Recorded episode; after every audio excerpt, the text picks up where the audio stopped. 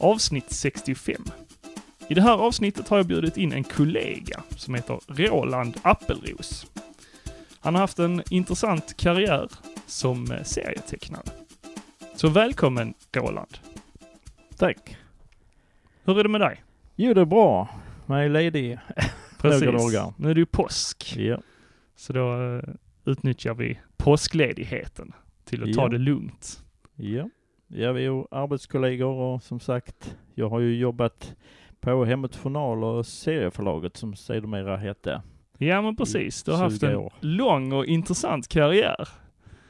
Eh, men då skulle jag vilja veta då hur allting började. Och vem är du först och främst? Ja, jag är 62 år och mångsysslare. Jag började min bana som att som barn var väldigt intresserad av musik och teckning och sport såklart. Så det var ju fotboll och måleri och musik. Och sen fick man ju då som sagt göra avkall på något och då blev det fotbollen som fick stryka på foten och då blev det bara att teckna och måla och lyssna på musik och jag spelade i en rockgrupp också på den tiden. Och sedermera så slutade jag också med musiken så det blev bara konst och bild för hela slanten. Var det någonting du studerade? Ja, jag eh, kollade ju upp när jag gick på högstadiet vad det fanns för möjligheter inom så att säga det konstnärliga och skapandet och såklart var man ju seriefreak. Man var ju uppväxt med Kalle Anka sen när man var liten och Disney på Var det- jularna. Var det främst Kalanka du eh, läste? Ja, jag hade ju, eh, gillar ju mycket western också, så att det var ju Buffalo Bill var också en och, och sen seriemagasinet och Disney såklart. Olika produktioner som fanns. Ja, seriemagasinet hade ju både det ena och det andra. Ja, det var ju många olika figurer i den här, så det var ju ett forum för flera Mandrake och eh, Rip Kirby och Ja, och alla andra Marvel-karaktärer. Ja. Så att eh, jag kollade med studiehandledaren och då fanns det något som hette grafisk tecknare i Lund, en specialutbildning som inte var angiven för en speciell ålder och de tog bara in eh, åtta stycken eh, om året och eh, en tvåårs utbildning. Och eh, där sökte jag men eh, man skulle söka på arbetsprover så att när jag gick ut nian så, och den var ju istället, det var en yrkesutbildning istället för gymnasie på den tiden. Så att ehm, jag gjorde arbetsprover på sommaren och så sökte jag men eh, kom inte in första året så då hamnade jag som dekoratörselev på eh, Domus här i Ystad och låg ute. Eller de hade en eh, speciell ateljé på den tiden. Man byggde mekaniska tomtar till jul och var ju mycket med sådana här tittskåpsfönster på den tiden. ja, ja, ja. Som ni designade då. Ja, det skulle kläs om bakgrunder och man skulle pynta och det var texta skyltar och allt möjligt ju. Så att det var en liten skola så det var också lite eh, konstnärligt om man säger. Och sen hamnade jag också på Konsum som var, eh, låg i utkanten av Ystad också på den tiden där man låg ute i, tog emot varuintaget så låg man och textade stora skyltar där på golvet. Men sen kom Så vi du in. är eh, född och uppvuxen i Ystad? Eh, Jag är född i Simrishamn och eh, första tiden i Kåseberga. Sen hamnade jag i Kvarnby i, Malmö innan jag hamnade i Köpingebro utanför Ystad. Så där växte jag upp sen under min skoltid. Ja, okej. Gick i Stora Herrestad första året och sen blev det Köpingebro innan, eh, innan Ystad. Ja, och nu sitter vi i en gammal Skånelänga i Ystad. Ja. Och eh, som sagt, så du kom in där i Lund och där var ju folk som hade jobbat i branschen så att vi var en brokig skara. Jag var bland de yngsta och den äldste var över 30 år som, vi, som jag hade som klasskamrat. Så att det var ju folk som hade jobbat inom reklambranschen men som ville eh, lära om så att säga. Och det var speciellt inriktat eh, för eh, serietecknande då? Nej, det var inte på den tiden fanns inga sådana serietecknare. Nej, jag kan tänka mig det. Nej, utan den hette grafisk tecknarutbildning och det var ju allt ifrån eh, eh, Eh, att handtexta, på den tiden fanns ju inte att man satt och gnugga upp bokstäver utan man målade dem för hand. Om man skulle göra en logotyp eller en text så fick man lära sig engelsk eh, skrivstil på det eh, gamla sättet att man målar och retuscherar för hand och man gjorde måla bilder och så att man jobbar ju mycket med bokillustrationer. Man fick välja olika uppdrag så det var ju mycket inriktat på reklambranschen kan man säga. Läraren Minör, han var ju, hade jobbat på Åkerlund Rasing i, i Lund och eh, startade den här utbildningen för att utbilda så att säga grafiska tecknare som för den här branschen. Och sen blev man ju rekryterad efter de åren ju till olika, jag ju praktiserade på någon reklambyrå på Lilla Torg kommer jag ihåg. Jag satt och tecknade Billyhyllor, Ikea, reklam eh, och eh, ja, det var mycket handarbete på den tiden. Ja, så ni blev inhyrda då av olika företag? Ja. Eller ja, det var praktik och sen så blev man ju så att säga draftad till olika jobb. Eh, man presenterar sig med sina arbetsprover som man har jobbat under de här två åren. Så man jobbar ju mycket mot branschen att jobba med illustrationer till böcker, eh, layout eh, i olika sammanhang till böcker, uh, till låta böcker, illustrera böcker, göra olika omslag och som sagt skyltar och det var ju hela den branschen. Fast jag var ju då mer intresserad av serier och jag var inte så intresserad av reklam så att eh, efter den utbildningen så var jag mer konstnärligt eh, intresserad så då hamnade jag på Östra Grevie måleri och grafikutbildning. Mm -hmm eh, så jag sökte in eftersom jag eh, hade en tanke om att bli konstnär från början. Ja, okay. Eh, så att jag fick lite utställningar ganska tidigt. Eh, ställde ut på Österlen och på något galleri som ganska ung när jag pluggade. Så att, ehm, så då fortsatte jag där. Det var ju mycket kroki och som sagt att måla. Men efter den utbildningen så ehm, så vet man ju att jag försökte till konstakademin och högre utbildningar men samtidigt så var man inte så pigg på att skuldsätta sig och jobba i fem år till på en utbildning. Som ta... kanske inte drog in jättemycket Nej, pengar. och det sa de också när ja. man gick den andra måleriutbildningen att eh, vad ska du jobba med sen? Ja. man tänker liksom vad fan och sen så plötsligt eh, hade jag träffat min uh, fru, blivande fru och sen blivit pappa så tänkte man också ska man skuldsätta sig i fem år för att inte ha ett jobb. Och finns inga garantier för att tjäna ett öre. Så då kom jag på att uh, leta efter någon annan typ av jobb som uh, skulle vara tänkbart inom uh, det konstnärliga. Och då tänkte jag ju på serietidningarna. Då återföll mitt uh, att jag var intresserad av serier. Tänkte jag, Kalle Anka och dem, hur produceras det? Så jag satt jag och kollade upp i telefonkatalogen och sånt. Hemmets final ger ut Kalle Anka. Jaha, jag ringer dit och frågar. Eh, jag fick reda på att de hade en ateljé. Så då ringde jag och fick tala med Ronny Åström som var ateljéchef. Ja, och Ronny Åström, det har man hört talas om innan, det namnet. Ja, jag hade ju ingen aning om att han uh, var ju, det var ju mycket musikfolk som jobbade där på den där ateljén. Ronny Åström uh, gav ju själv ut uh, två LP-skivor, Hampadang och, Hampadäng och Ensamma Människan och, och var kompis med Peps. Och Peps spelade ju också in på Hemmets Journal deras packmaskin till sin platta Spår. Maskin nummer två, där är ju kompet på Hemmets Journals packmaskin, är ju kompet på den plattan. Så pass. Eller på den låten. Coolt. Ja, det är roligt. Och um, han var ju även kompis med Rune så Andreasson som, uh, som gjorde Bamse. Bamse. Ja. Mm. Så att han kom ju på besök. Men i alla fall, det började med att jag ringde dit och frågade om uh, uh, det fanns tänkbart att jobba där. Och han var inte helt negativ så jag fick komma dit och träffa honom och det var liksom helt från det blå. Det var, jag bara ringde dit och... Var det så det gick till på den tiden? Man ringde dit bara, hej har ni jobb? Ja, mer eller mindre så liksom presenterade vi mig Vilka var... tider! Det var tider det va? Ja. ja, det var ingen garanti men som sagt, men det har ju alltid varit så att det gäller ju liksom eh, visa att man vill, att höra av sig och prata, det är ju kommunikation och alltså man, man kan inte sitta och vänta på att jobbet dyker upp utan man måste ju ut och jaga.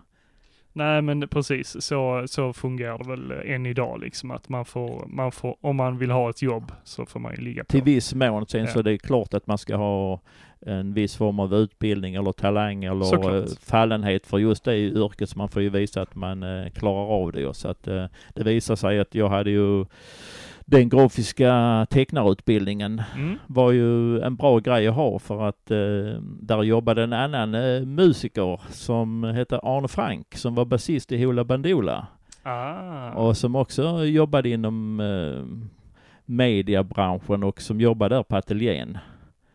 Och han var på väg bort i den vevan eh, för att eh, då skulle Mikael Wiehe och Cabaretorkestern eh, ut på turné. Då hade de gjort eh, Titanic.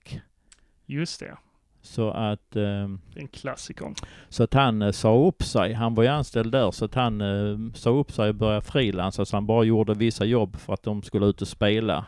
Han gjorde ju också, hade lite andra jobb sidan om och gjorde ju även eh, omslag till deras skivor, Mikael Wiehe.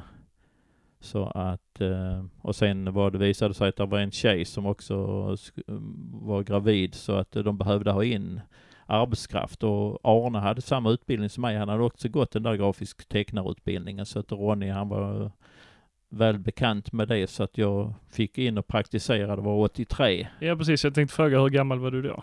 83 var jag 24. Mm. Yngling. Ja. Och eh, så att jag fick börja, jag fick ett liten eh, vick så att säga för att visa vad jag gick för där och eh, det fungerar bra med personkemin med mig och Ronny och eh, de som jobbar på ateljén. Det var en annan eh, eh, när, här från trakten, en från Tomelilla, men som hade flyttat till Tomelilla som hette Kent. Som också hade rötter med musik och växte upp med Glenmarks i Tomelilla. Just och det. eh, de här eh, eh, musikfolket i Malmö. Så att Var, var det en liten fot in att eh, du var intresserad av musik och kände Nej, till men de det här visade sig personerna? att det var mycket folk som hade de musikintressen också, eller spelade eller gjorde någonting. Eh, Ronny hade ju en bror som också spelade i Basement Society som hette Karl Åström. Mhm. Som, eh, och de, hela Skånes ljudpark kallade de sig ju på när de kompade och peps på hans plattor som han gjorde. Ja. Och det var också, han hade en idé att förverkliga, han hade låttexter. Jag har ju en bok här, han, han dog ju, eh, tråkigt nog ju, han blev inte så gammal, Ronny. Så hans bror sammanställde eh, en påg från Rå, Mhm. eh, där han kom ifrån, Karl och den läste jag sen efteråt, så den kom ju ut efter hans död ju, så att det var ju trist så att han knoppade av och det var ju min mentor och Ja men precis, han var en förebild och mentor för dig då. Ja, och för ateljén också sammanhållande med sin kunskap. Han hade ju som sagt eh, växt upp på Rå och jobbat ju på Helsingborgs Lito och det var där han kom i kontakt med Rune och Bamse för att han eh, höll ju på då eh, och gjorde sina tecknade filmer Just det. eh, Bamse-filmer som sedermera kom på TV, men de var inte intresserade att ge honom några pengar, så han fick ingen eh, ekonomi, medan då Ronny gick in och sponsrade via att han då eh, på Helsingborgs Lito, att de fick rätten att ge ut eh, sådana här målarböcker med de här figurerna. Ja, ja, Och ja. det har det, gav de ju ut ju sen, det blev ju en guldgruva. Men Mm. som sagt att de sponsrade honom med pengar mot att de fick ge ut de här målarböckerna med figurerna. Så att han hade ju bra kontakt med Rune den vägen. Så att eh, sedermera när han... Eh, Då, då arbetade Rune själv på den tiden eller? Ja, ja, han Mm. jo- jobbar ju själv med, det var då han gjorde sina tecknade filmer, så det var ju långt tillbaka.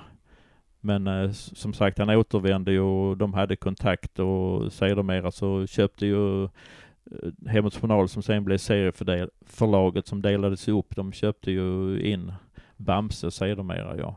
Och en eh, Dan, en av hans söner, fick jobb också där och jobbade på eh, serieförlaget. När de eh, sen tog över Bamse. Och sen tror jag de speedade upp också från att det var en veckotidning så kom den väl ut var, eller månadstidning så kom den ut var fjortonde då, tror jag den gör idag fortfarande. Ja, har jag inte koll på faktiskt. Jag tittar lite här om, bland tidningarna att de, jo det blir oftare sen. Så att men, eh, men i alla fall då var ju glansdagarna från serierna när jag kom dit där och började bli anställd sen 84 och ehm, som sagt på, de hade något som hette centralateljén och vi eh, satt ju och jobbade med Kalanka då och det var ju mycket med de redaktionella sidorna eftersom det är ju en väldig fabrik Oh ja. att eh, ge ut en serietidning så ofta. När den kom ut 1948 så var, ju, var det ju en månadstidning. Mm.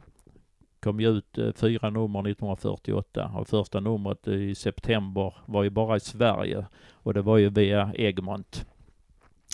Det var ju ett samarbete ju, så att eh, det var ju Egmont som startade Hemmets Journal och även då med serietidningar. Så det var, har ju alltid varit ett samarbete att, eh, att det heter Egmont eh, via då Egmont H. Pedersen som startade ett tryckeri en gång i Köpenhamn med en flosmäcker så Hans mamma pantade sin symaskin enligt rykten och att han skulle kunna starta ett tryckeri som blev en eh, veckotidning som blev Hemmet i Danmark och Hemmets Journal i Sverige och det finns också en motsvarighet i Norge. Mhm. Så att är de tre nordiska länderna och där blev det också att man samarbetar. När jag sen gjorde andra tidningar, jag jobbade med Nalle Puh tidningen, Nalle Puh magasinet och då satt jag och gjorde omslag både till Finland, Danmark, Norge och Sverige. Vi- vilken eh, tidning var ditt första projekt här? Mitt första projekt och som Arne var inblandad i, det var att eh, göra eh, Uppfinnar-Jockes kluriga magasin. Så det var en pusseltidning för barn. Ja, eh, ja, jag nämnde den för en kompis och han sa åh, jag, jag prenumererar på den och jag hade alla nummer. Ja, det var en eh, månadstidning. Ja. Och det var ju med tävlingar man kunde vinna saker. Så det var ju en chefredaktör som köpte in eller fick eh, prylar från olika eh, med spel och leksaker och allt möjligt som man kunde vinna. Så var det ju mycket eh, tävlings, eh, korsord och tips och tricks som man skulle skicka in och vara med i tävlingar. Och sen var det mycket eh, så att säga knep och knåp. Så att eh, de hade gjort eh, en föregångare som hette Ast- Astetrix som var Mhm. byggd på Asterix. Okej, Och så som- det var inte alls kopplat till eh, Kalle-världen då? Nej, den var ju, ja det var ju Disney-figurerna som var ju med i den, men det var ju eftersom han då var ju en uppfinnare Mm, mm. och att det byggde på eh, han som figur, men det förekom ju som sagt de andra dis- galleriet ju i tidningen, men det var ju hans tidning så den hette Uppfinnar-Jockes kluriga magasin och Mm, mm. sen så jobbar jag ju med en del redaktionella sidor också. Men Egmont har inte släppt eh, Asterix? Eller? Jo, Har de det? ja, de, Okej. eh, vi gav ju ut eh, Asterix album. Okej, okej. Precis som man gjorde eh, olika Disney-album. Alltså det var en fruktansvärd produktion med mycket olika scener när det drog igång. I början så var det ju bara Hemmets Journal och Kalle Anka i princip. Och Musse Pigg kom också till som en Mm. egen tidning. Mm. Och sen hade de ju Richters bokförlag. Just det. Och det låg ju också i samma, när jag började på 80-talet så fanns ju det, men det blev också avknoppat sen så att eh, eh, Richters bokförlaget blev en egen enhet som flyttade ut och hade en egen liten ateljé och gav ut de här guldböckerna och eh, Mm. eh, massa serieböcker men även andra böcker inom alla möj- möjliga områden. Mm, mm. Och sen då var det ateljén som vi producerar, men vi samarbetar ju med Egmont inne i Köpenhamn ju, så där var ju själva huvudbasen för serieproduktionen. Eftersom det var en stor fabrik. De hade ju knutit an en väldigt många tecknare från hela världen. Det satt ju italienare, amerikaner och även europeer, men det fanns ju massa olika som tecknade eh, då eh, serier och det fanns ju, det är ju en hel, dels hade man författare. Det var ju ofta kända författare eller som gjorde sitcom som Mm, skrev mm. eh, manuset först, typ till Kalle Anka. Ja, det var många personer inblandade. Ja, det hände ju någon gång att det var samma författare som skrev till Flexnäs till exempel, som det var en samma story i Kalle Anka som hade varit i, Ja. i hans serie. De bara drog över den till Ja, att man, man skrev ju en, ett manus och sen så skulle ju den översättas så satt ju någon och skissade upp bilder till eh, manuset och, och, och sen så att då var det ju en som skrev manus och sen så var det en person som satt och, och skissade i blyerts upp eh, själva mm, varje seriesida. Var det oftast det du gjorde eller? Nej. Nej. Utom eh, det var ute i hela världen höll på säga. I Ja, Europa. okej, och ja. i Spanien hade de också mycket produktion. Italien och Mm. Spanien och Tyskland. Och det var samma med tryckerier och sånt så att, eh, och då Egmont låg i Köpenhamn. Vilket land är det största serietidningslandet eller serietecknarlandet genom tiderna? I Europa då, tänker jag. Ingen aning. Men Är det Frankrike eller är det Belgien eller?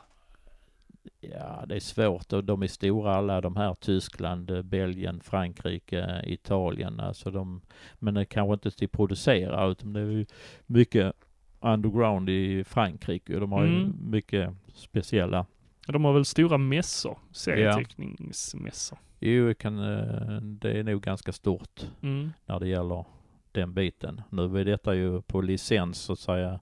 Mm. Där var ju han eh, Egmont, han eh, hade ju någon träff eller någon av dem som jobbade med honom sen. Jag åkte ju ner och träffade Walt och, och fick eh, kontrakt på att ge ut en serietidning i Norden eftersom det inte fanns någon ju. Så att, eh, då, Vilken serietidning då?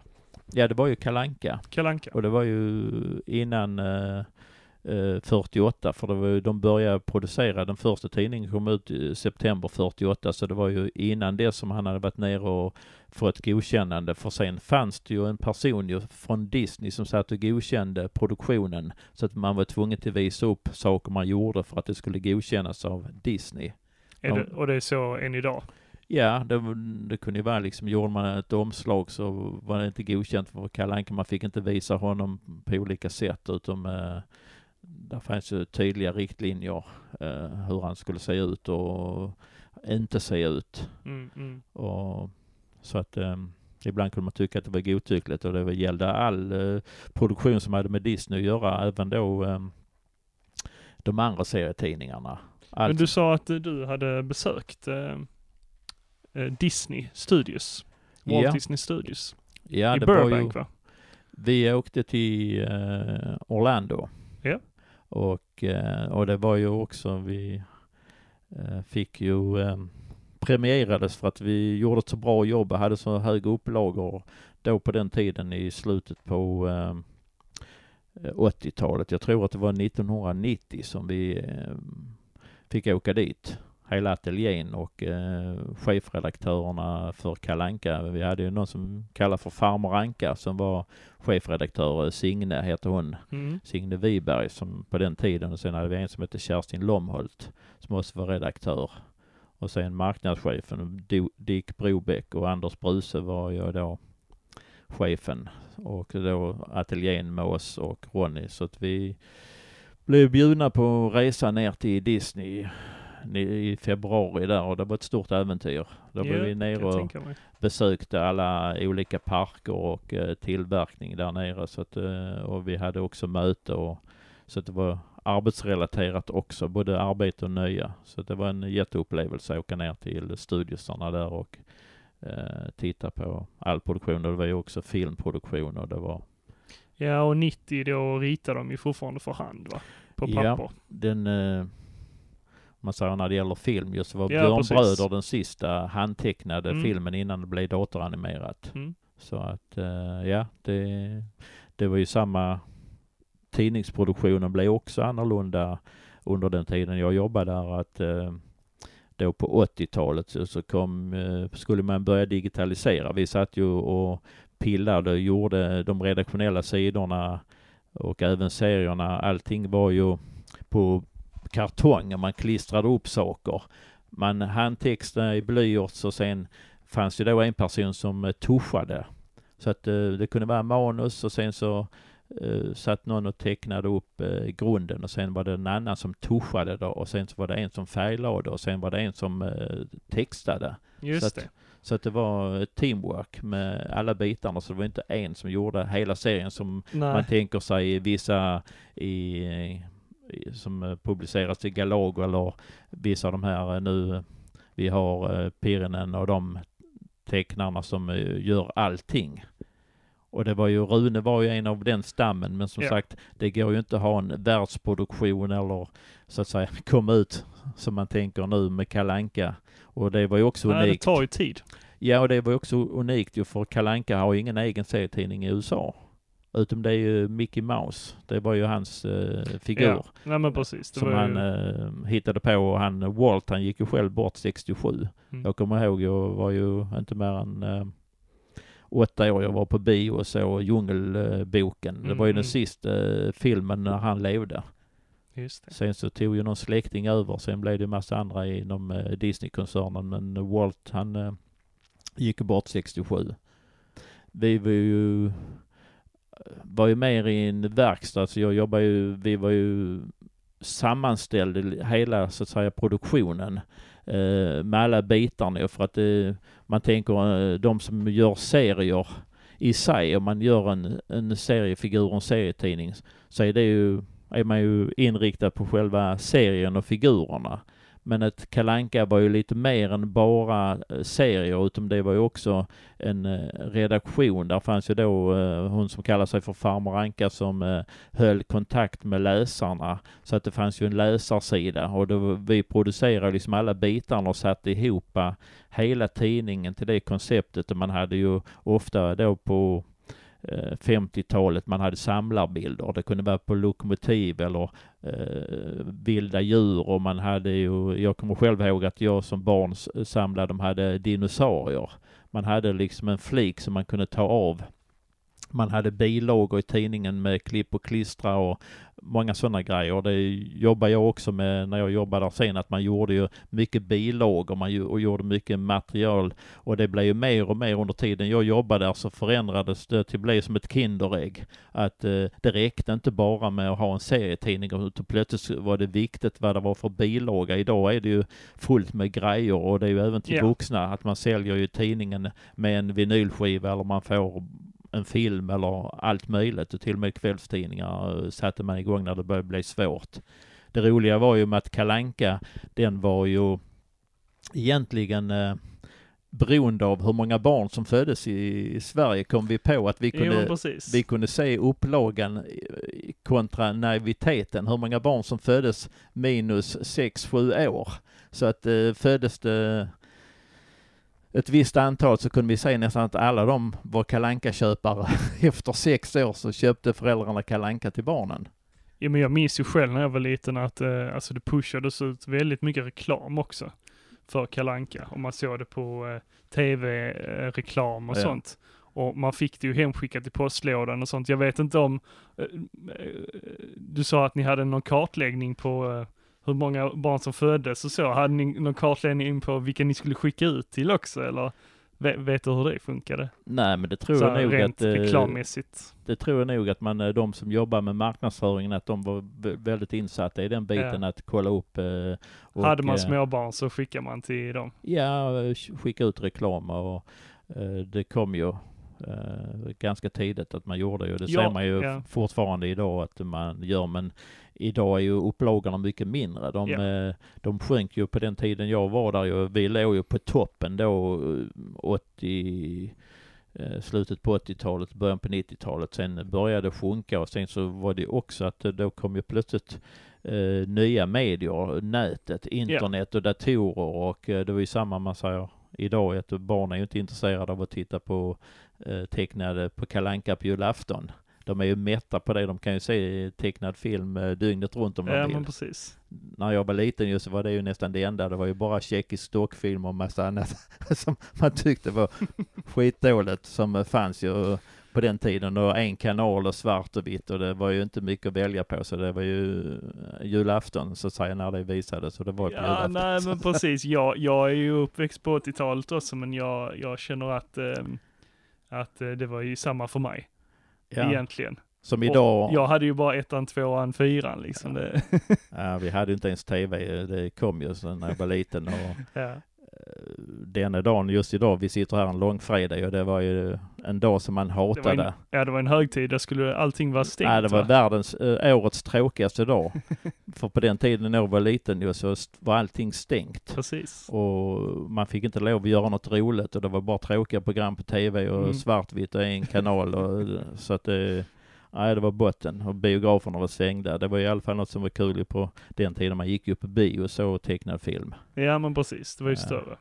Så att, eh, när jag hittade precis en, eh, eh, ett utdrag, någon som hade skrivit en artikel i Kvällsposten på Ja, den vi, kan, tiden. vi kan ju inflika med det. Vi sitter ju på ditt kontor just nu. Ja, Ja, och här har du ju fullt med grejer runt om dig. Eh, Ja. Så, så du, du, du sträcker ut armen och så bara du plockar fram någonting. Så du, du har ju grejer överallt.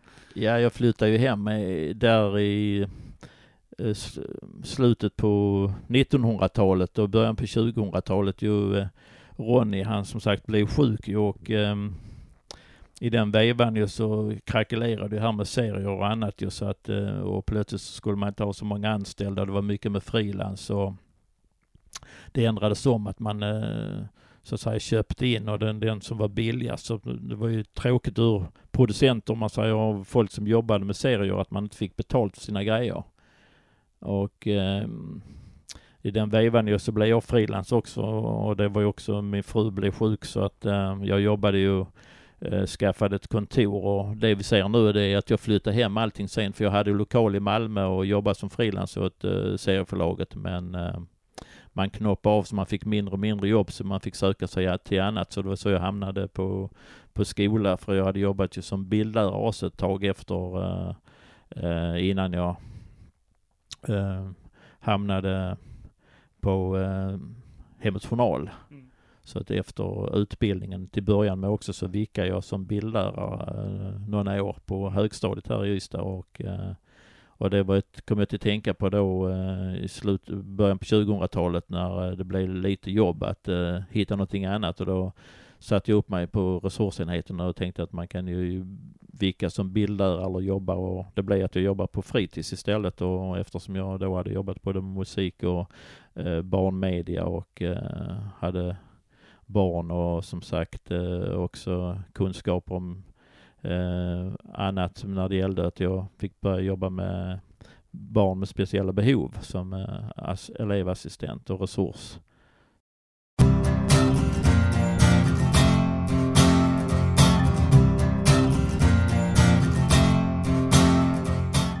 Eh, förresten, en inflikning där. Ehm, det här med, eh, du, du sa när ni började arbeta som frilans. Eh, blev det så att ni blev mer anonyma eh, som serietecknare? Eh, Stod det någonsin era namn på i tidningarna och sånt? Det var ju en, en het fråga under lång tid. Ja, jag Jag, satt själv nu innan du, när vi pratade om att du skulle att ha med mig på podden här, så började jag kolla liksom i, i mina produkter som jag har kvar, så att säga arbetsprover från tryckta tidningar som jag jobbade med. Och att i början så fanns ju inte med, utan det var ju bara ansvarig utgivare som stod ju i texten. Men eh, vad jag vet ju så ändrades det, att det blev ju, idag tror jag att man skriver ut alla namn. Ja, för det är på ett sätt lite sorgligt, för det är ju bara du själv som kan bevisa att, jo men det här har jag ritat, men det, Ja. står, inte, ja, men det står inte ditt namn någonstans. Nej, som frilansare vet jag att det stod ju, för jag kollade ju de här, eh, jag, jag eh, på- g- jobbade med Bamses bibliotek till exempel. Och där sk- skrev man ju, eh, Bamsebiblioteket. ja, man gav ju ut faksimiler på alla Bamseböcker. Och där fick jag eh, Atelier skrev man, eh, där har man skrivit ansvarig utgivare och redaktör Joakim Gunnarsson som kanske är känd som en serie. Han började också som en eh, väldigt eh, serieintresserad kille som dök upp eh, på serieförlaget och började jobba lite som frilans till Bamse och sen kom han in och blev anställd och sen jobbar han och tagit över mycket jobb. Ja, okej. Eh, och eh, då är ju Men där står ju minsann ditt namn. Ja, Mm. Atelier, Roland Appelros. ja nej, så jag fick in namnet i böckerna på den Mm. tiden och också i vissa Vi- Vilket år var detta? Uh, ska vi se här. När var den tryckt? Eh, 2005 är den tryckt, men det börjar 2005. redan alltså mm, i slutet på 1900-talet att eh, man tog in namn. Jag tittat på vissa, på vissa står det, på vissa står det inte. Mm. Jag jobbar ju med många olika efter Uppfinnar-Jockes kluriga magasin, så där tog jag också in hjälp sen. Jag, mitt jobb förändrades ju så att... eh, Stod ditt namn i dem? Jag tror att det gjorde det när jag sen blev frilans, men när man var anställd så de namnen på de som jobbade så att säga på, eh, Hemåt Journal eller serieförlaget. Där skrev man bara ut om det var en ansvarig redaktör eller utgivare som eh, liksom tog ansvaret, dens namn. Men de som jobbade så att säga i produktionen, de gjorde själva och satte ihop det, fanns ju inte som layoutar eller annat. Men det stod ju sen i vissa nummer så kom det när jag så att säga jobbade utanför huset och det var även andra frilansars namn, till exempel eh, textare. Det fanns ju en tid ju, numera är det ju digitalt. Jag skulle komma till det också, att eh, då, man börjar ju gå ifrån och, och gå in på datorer på 80-talet, så då skulle vi plötsligt lära oss eh, mackar och då kom ju mackmeckarna vi kom från USA att vi skulle börja jobba med datorer och digitalisera tidningen. Innan var det mycket att man satt på kartong och man eh, gick in i reprokamera och tog bilder av... Eh, när, du, när du säger satt på kartong, hur, hur menar du då? Vi, först limmar man ju upp saker ju för att för att inte sabotera originalet. Om man hade en original tuschad bild man fick ju också det som heter model sheets. Man hade ju pärmar med bilder på Disney-figurer och till exempel till redaktionella sidor och när man skulle sätta ihop och göra eller ibland att man gjorde ett omslag. Att jag gjorde något omslag så plockade jag och satte ihop. Jag ritade lite och plockade lite model sheet eller man gjorde av. Och då gick man in i reprokameran och man klippte och klistrade, skar med skalpell och satte ihop en bild. Och, och så tog man en, en eh, reprokamerabild och sen så limmar man upp den. Eh, först var det med sån här klister men sen blev det ju vaxmaskin så man vaxar upp det. För då kan man ju flytta det flera gånger. Det var ju samma vi beställde text. Texter till pratbubblor och sånt, då beställde man ju det. Man satt och läste ett manus och sen beställde man och satt och, och klistrade in det. Så man gjorde ett original på kartong på varje sida. Och sen eh, fick man ta en kopia, en kopiator och sen satt man och färglade den kopian, figurerna och sen skrev man hänvisningar till varje färg så man visste att eh, det är ju smyk och det var också det här liksom att du känner inte folk till heller att fyrfärg, mm. det är ju fyra grundfärger inom tryckvärlden som man blandar. Och det är cyan som är en slags blå färg, typ kallefärg. Jo, precis. och, och använt, magenta eh, är en rosaaktig färg. Om man använder eh, redigeringsprogram idag så ja. eh, är det någonting man brukar justera. För jobbar man till exempel på en dator, när sen datavärlden kom så blev det ett jävla eh, strul för att inom datavärlden så är ju, tar man in en bild i en dator så benämns den som RGB. Just det. Red, green and blue. Precis. Och Använder du en sån och skickar till tryckeri så får du bara en svart ruta. Det blir inte ett skit. Du måste smyka om det som det heter. Mm. Och smyk, det är ju, eh, jag har karta här. Ja, du plockar fram en färgkarta. En färgkarta, ja. Där man har och smyk. Olika nyanser då eller? Nej, smyk står fyrfärg, det är fyra färger. Smyk. Och det står ju då, det stavas eh, C-M-Y C. Och C eh, står för cyan och som är en blå färg. Och M är magenta som är en eh, slags rosa färg. Och Y är yellow, är gul. Och K, C som är, som är key color och det betyder svart. Och detta ser man ju på skrivare också. Ja. Smyg. På bläckskrivare. Ja, så är gul, magenta, cyan och svart. Blandar man de fyra färgerna så får du alla färger. Så då fick vi sitta och skriva eh, order till tryckeriet att eh, Kalankas eh, mössa och hans eh, sjömansjacka, det var 100% cyan, alltså den blåa färgen. Men eh, hans fluga, om man skulle ha en knallröd, då fick man ta 100% yellow och 100% magenta. Alltså den rosa och den gula. Blandar man dem så fick man en knallröd. Det var hans fluga, det var 100-100. Mm. Medan näbben som var orange, då fick man ha 100 yellow och 50 magenta. Så fick man hans, så fick man skriva det, näbben och fötterna skulle vara 100. Ja, du kommer ihåg dem än idag. Ja.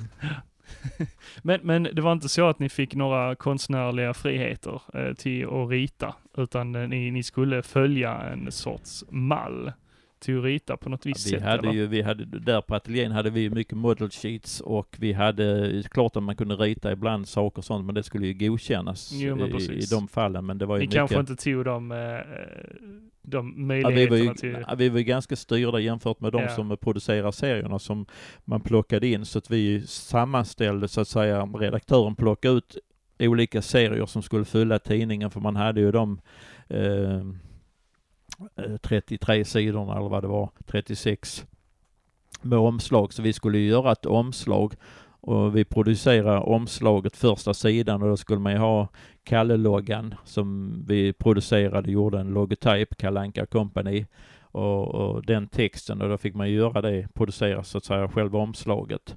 Och sen hade man ju annonsörer så var det ju annonser kanske på insidan och på baksidan.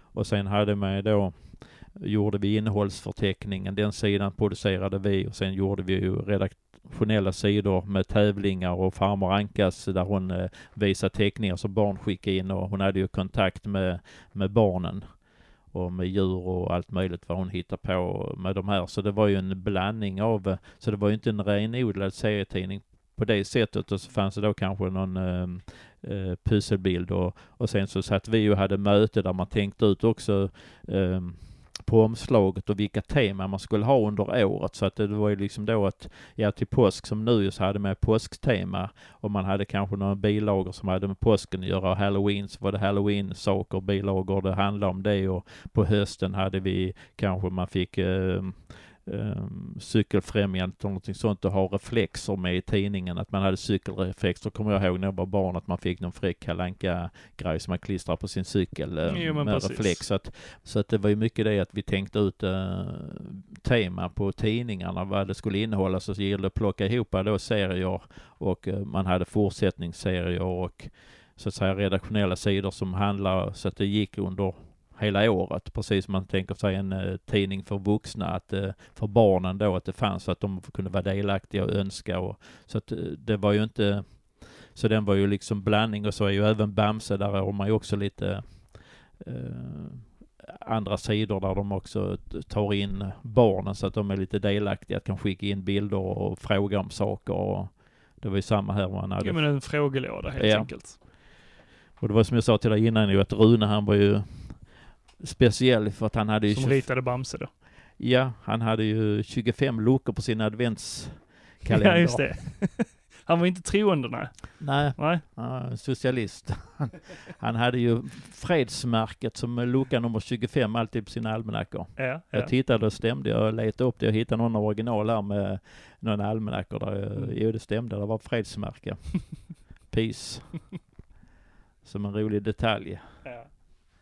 Och då som jag nämnde för dig innan, att eh, det råkar ju bli så att vi hade ju, eh, när vi fick in Bamse, så vi deltog ju ofta i bok och biblioteksmässan. Där är ju många, ehm, Det är den i Göteborg eller? ja. Mm. Och där hade ju även så att säga serieförlaget en monter och en del också andra, det är ju mest traditionella romaner och andra bokförlag som eh, visar upp sig där. Men även så att säga serieförlaget visar ju upp sig på mässan och det är en del andra serie eh, Galago eller andra tror jag som också mindre som deltar för att kunna visa upp sig. Ja, så är det än idag ja. på de olika nördmässorna. Och där har man ju tagit dit ju, som sagt, eh, får man ju ha dit olika tecknare ibland och folk som jobbar m- inom branschen. Ja. Och eh, när det begav sig i alla fall då med Bamse så var det ju att man gjorde internt en rolig grej att man gjorde en, eh, det var ju väldigt populärt med sidenslipsar, Atlas gjorde ju eh, Disney-slipsar. Så det var ju någon som kom på att de skulle göra en Bamse-slips i siden som en intern och eh, ha på sig och kunna dela ut. Och den hade de fått fram till bok och biblioteksmässan. Så de som stod i montern vid det tillfället och då var på den tiden eh, Carl Bildt var statsminister. Just det. Och han eh, kom dit till mässan. Då kuppade de honom och tyckte att han hade en väldigt ful slips. och de visste att hans dotter, jag tror att hon hette Brommelisa eller något, hon hade något sånt. eh, Hon hette så. Hon hade något, eh, jag är inte helt säker, men det var något eh, snarlikt eh, speciellt namn. Men hon var, läste Bamse, tror jag de visste om. Så de sa att, eh, de eh, sa att han hade en väldigt ful slips, att han kunde ta på sig en Bamse-slips istället. Så de gav honom en Bamse-slips Ja.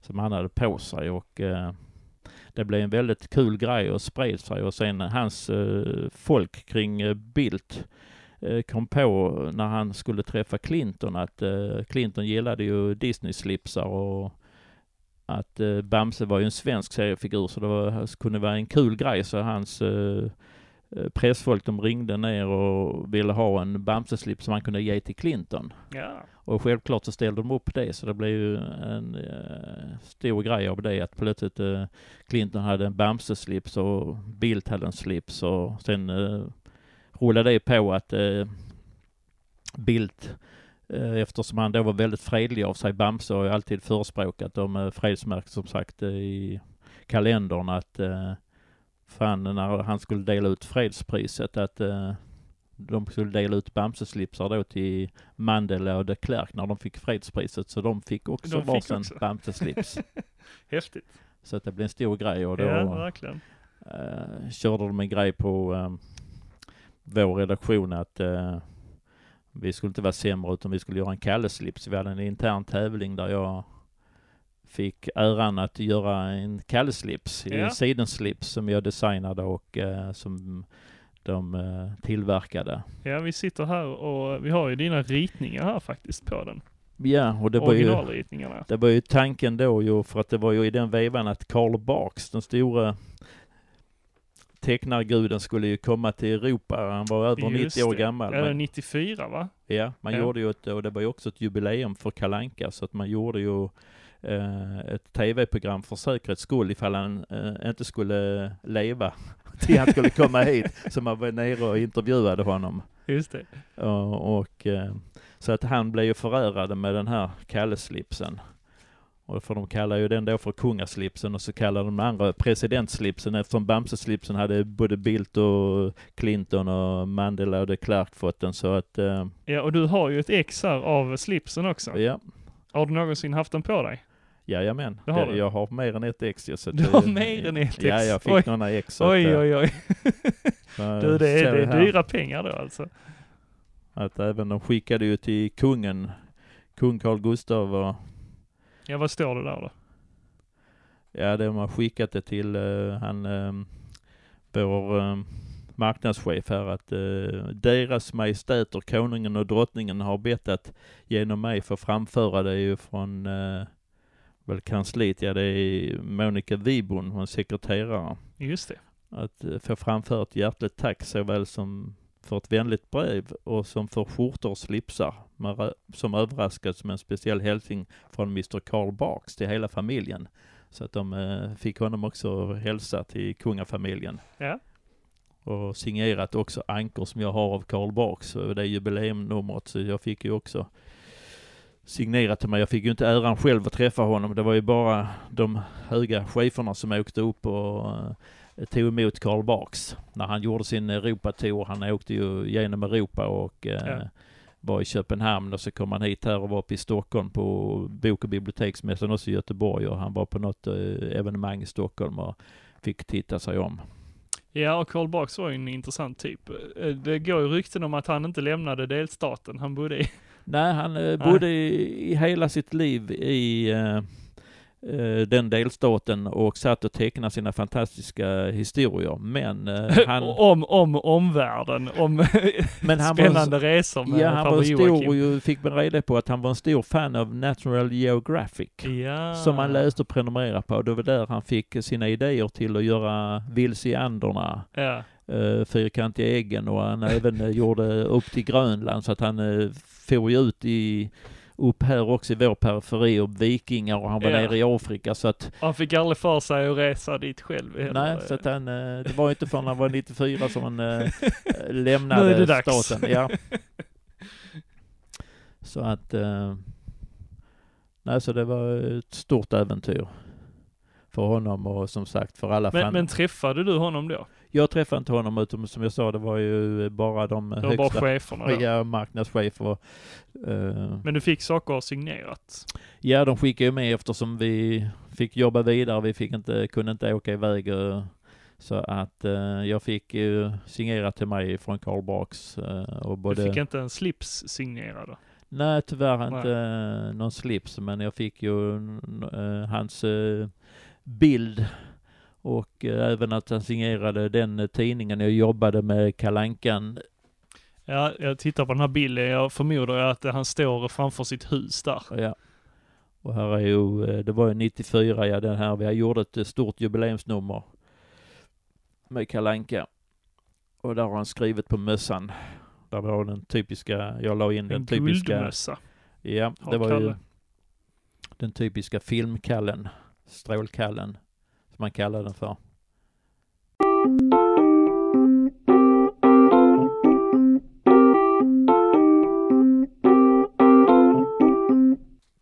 Men det som jag berättade för dig innan också, man har ju en unik rysk Mickey Mouse. Okej. Men hade de rättigheter till att, att göra, Det släppa den, Kalle? Det känns inte så. nej men då, jag vet att de sökte nya marknader och eh, Även till Ryssland? även i På den Ryssland ja. tiden? Det var en stor upplaga och eh, jag har, han Dick skrev här, de tryckte upp, det var också 89. Jag vet inte om de fortsatte, om det blev någon fortsättning, men de gav i alla fall ut den här Musse Piggen, för det var inte kalanka utan det var, där ska stå Mickey Mouse fast det är på ryska, man går ju också som i, Ja, de har ju speciella bokstäver där. MN, eller ett bakvänt N är det ju. Ett ja, KK. M-N-K-K-N M-A-Y-C. Ja, Ja. Undrar hur de uttalar det. ja, det kan jag inte svara till.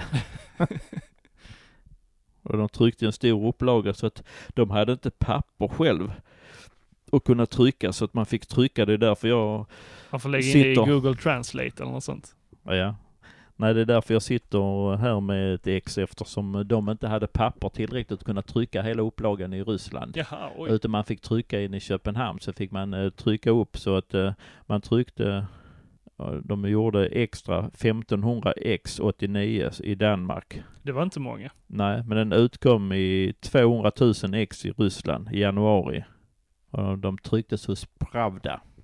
Okej. De tryckte de andra 20, 200 000 ex, men jag vet inte om de ville ha extra ex för att titta, ha koll eh, på Egmont. Eh, eftersom de eh, tryckte, eller om de inte räckte att de kunde bara göra 200 000 i Ryssland, eller de kom ut i 200 att de inte fick, men eh, det, jag fick text av han Dick Brobeck som var marknadschef. Han Ja, det skrev i en den här post-it-lapp. Ja, så att, eh, men eh, en, en lustig Vilket år var det? Kuriosa. 89 sa du? 89 ja. Ja. Och jag vet faktiskt inte om det, Och så du ett nummer, eller vad blev det? jag vet inte om den fortsatte ges ut. Jag har faktiskt nu följt upp det. jag bara, han berättade att de prövat att ge ut ett nummer där men jag vet inte, det kanske inte blev någon hit. Ja, det känns ju inte som att Disney har varit särskilt stort i eh, Ryssland. Nej, jag tror inte det Nej. heller. Det är anti-amerikanskt. Ja, men verkligen. Disney är ju väldigt amerikanskt. Ja. Nej, så att det, det är många olika historier. Du, du berättar någonting, eh, du pratar om eh, de här eh, pratbubblorna. Och, du har berättat sedan tidigare om ett typsnitt som finns i Kalle-tidningarna. Ja, det var ju eh, handtextat från Precis. början. Men eh, då Ronny, som var ateljéchef, han var ju, blev haj på det här med datorer så att han eh, digitaliserade faktiskt Gertrud Tuvesson som hon hette och jag tror att hon, jag vet inte om hon jobbar i nu, jag tror inte det som eh, textare men hon eh, jobbade ju som eh, frilans med att handtexta Bamse, pratbubblor.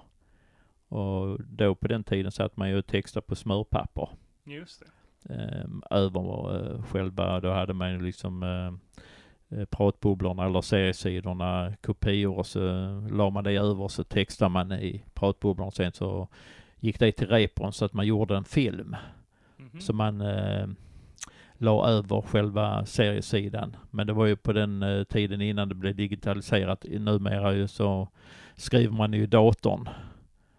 Och då gjorde han ju att han digitaliserade så att säga hennes handtext till Bamse så att, eh, Det är ingenting som används än idag då? jo, Det gör det? ja ja. Så de använder- använder samma typsnitt? Ja, hon, hon Ja. gjorde det men han digitaliserade Jo, hennes jo. eh, så att man idag kan eh, skriva in det i pratbubblorna. Och det används bara i Bamse då? Jag tror att i vissa andra seriesammanhang använder man den också för den är väldigt eh, fin handtextad eh, stil. Det, det, det finns ju en del att välja på men det, är- det är ju inte så många, eh, som man säger, seriestilar eller handtextade. Man, man ser ju i Kalle-tidningen också, där är ju en typisk eh, textning. Eh, Ja. Det ser man. Jag har ju främst läst eh, Kalle. Ja. Jag har inte läst så mycket Bamse, men, men där ser man ju tydligt att det är samma. Och det är ju samma sak där, hittar man på en eh, program till Kalanka som heter Exploding Balloons där man eh, hinkar in texten i pratbubblorna så att så man, skannar ju in i så att säga originalen på eh, serierna och sen så färglägger man dem i datorn i Photoshop eh, man eh, färglägger idag allting. Det är ju så att säga digitaliserat. Man stod och skannade in hela sin eh, seriebas. De har ju en enorm bas. Det är ju väldigt många som producerar samtidigt. De måste ju, för att kunna komma ut varje vecka så måste de producera hela tiden serier. Jo, ibland så dyker det upp eh, samma serier igen. Ja, sen har man ju favorit i repris. Eh, Det Ja, har man ju precis. gamla eftersom man har ju hållit på ända sedan 40-talet så finns det mycket att välja på gamla klassiker och Karl Barks Ja. eh, som är eftertraktade att visa eh, om igen. Som, eh, eftersom det kommer nya generationer så menar efter ett visst antal år så är det helt nya läsare. Jo men precis, och det ser man oftast. Jag tror de skriver det längst ner på sidan. Ja, att jo, de eh, den här serien släpptes i det här numret år Ja, 1900. jo det måste de ja. ju så att, och det får gå ett visst antal år men uh, Nej så att uh, då får man sitta och redigera uh, pratbubblorna och just det för att uh, ofta så skrivs det på engelska och det är ju längre manus så att där får man ju också redigera om det. Och man har ju, som jag sa, man har ju plockat, ofta har det varit skolfolk som har jobbat ju redan på 60-talet kritiserade de Kalanka för att det var eh, det var ju socialistiskt och socialdemokratiskt styrt ju under lång tid i Sverige och eh, man var inte så, tyckte inte så mycket om då eh, amerikanska serier att eh, Kalle Anka i Sverige, att eh, det var inte bra för barnen. Och att eh, de var rädda för språket ju så att eh, då anställde man en eh, lärare som eh, gjorde, eh, skrev texten. Så att man fick ett bra språk i Kalle Anka. Det skulle du ha sagt till min mamma. Eh, för för hon, Ja. hon, hon tyckte det var, alltså språket, det var, det var inte ordentligt. Man, man lärde sig ingenting av att läsa serietidningar tyckte jag. Ja, man tyckte det men som sagt eh, i Kalanka var man noga med det så man tog, tog åt sig den kritiken och anställde en lärare. Eh, Det finns skrivet någonstans, jag kommer inte nu ihåg vad han hette, men och då är vi samma Bamse och det var ju också en högstadielärare och sen till och med jobbat lite som rektor ju som fick jobbet och var redaktör för eh, Bamse när de tog över efter Rune ju, Jan Magnusson. Han skrev att det var befriande att hoppa av från studierektorjobbet och sitta och skriva Bamse-telegram och även han hittade på en del det historier. förstår jag. det förstår jag verkligen. Eh, vet du vem det är som ritar eh, serierna idag? Eh, I ehm, Bamse eller Kalle Ja, eller? både och. Nej, de har ju alltså när det gäller eh, Kalle Anka så är det ju en hisklig massa olika eh, tecknare. Eh, jag vet ju att Rune på sin tid ju, han satt och gjorde allting själv och han hann ju inte med eh, även om han hade hjälp av frun och sönerna att det blev familjeproducerat så fick han ju eh, anlita sen han hittade ju en italiensk tecknare som eh, jobbade med honom. Ja. Och eh, han fick ju aldrig någon cred i Italien för den gavs ju aldrig ut där så att han var ju okänd hela sitt liv. Han satt och verkade och, som eh, Bamse-tecknare.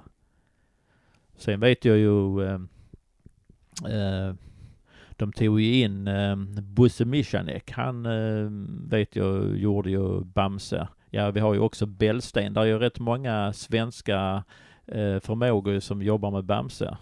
Jag, jag, jag, jag eh, googlade här lite snabbt. Jag ser, för jag har hört det innan, att Tony Kronstam som Ja. gjorde Elvis, att han har ju ritat Bamse bland Ja, annat. han var också inblandad. Det är ju många svenska tecknare som var inblandade i Bamse. De sökte ju Så de var väldigt många olika då. som Ja. ja. Och eh, la han ju ut det. Från början så jobbade han ju helt solo ju, men eh, han hann ju inte med och när man ökade takten sen så var det tvunget att ha flera olika eh, tecknare Jo men det är ju och tuffare. också ska godkänna och att det ska vara bra historier så att eh, det tar sin tid att producera eh, en serietidning. Om den då ska komma ut veckovis eller månadsvis så är det ju ändå mycket. Veckovis är ju ännu värre som Kalanka kommer ut. Alltså det krävs ju enorm kapacitet ju så att eh, Jo verkligen. eh, Vad var det, sista arbetet du gjorde? sista arbeten jag gjorde, jag tror att jag Just gjorde på Egmont då? som frilans eh, så gjorde jag ju Kalle-almanackorna höll jag på med. Ja, okej. Det, då fick man ju som sagt, eh, de gav ju alltid ut till prenumeranterna en eh, årsalmanacka med bilder från eh, den nya Disney-filmen som gick upp. Det brukar alltid gå upp till julen en ny tecknad film varje år. Jo men precis, det, det håller väl på än idag. Ja, och eh, då gjorde jag ju så att säga kalendariet och det var ju mycket jobb det man tycker det är inte så lätt men då skulle man ju in och kolla alla månader så man fick ju kolla med namnsdagar och man fick kolla ju med förändringar på året och man skulle eh, också ha kontakt med Burbank och ladda hem bilder till, med Disney och de skulle man skicka in för godkännande också att de skulle godkänna almanackan och hur man använde bilderna i almanackan att man gjorde, valde ut en bild till varje månad. Och där, där undrar jag alltså idag måste det ju vara oerhört eh, mycket enklare att, skicka de här grejerna till eh, Burbank. Men, men eh, på 80-talet, hur gjorde ni då? Faxade ni eller, Eh, eller skickades det fysiskt?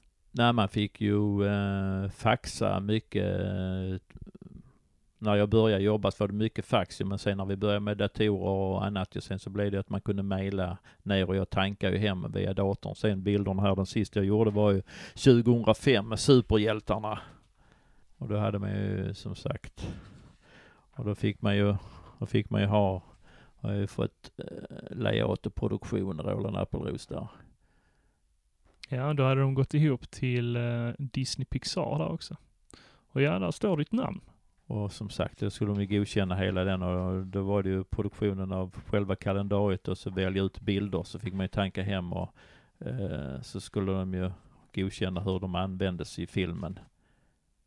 I den här, det var samma jag gjorde här 2004 var det Hitta Nemo. Samma sak. Och eh, gjorde Skattkammarplaneten. Jag tror att från 2003, för Ronny blev sjuk och dog där 2002, för jag såg att han producerade den, så jag fick ta över efter honom, för han hade ju också här 2002, är det Ronny som står för produktionen, att han producerade dem, för att då hade man gått ifrån. Men sen var det ju, det var ju så mycket mer vi jobbade med. Jag jobbade ju med, jag gjorde, jobbade ju med, som vi sa, han eh, Jan Magnusson, eh, han eh, blev redaktör för eh, Bolibompa. Mhm. Eh, och eh, vi gav ju ut en serietidning och ett tag och det var ju väldigt tråkigt att de inte fortsatte eh, ge ut när man hade liksom ett sånt känt koncept. Var la jag den här? Ska vi se, jag hade Bolibompa som Ja, serietidning. som egen tidning. Ja. Och där blev ju Jan redaktör.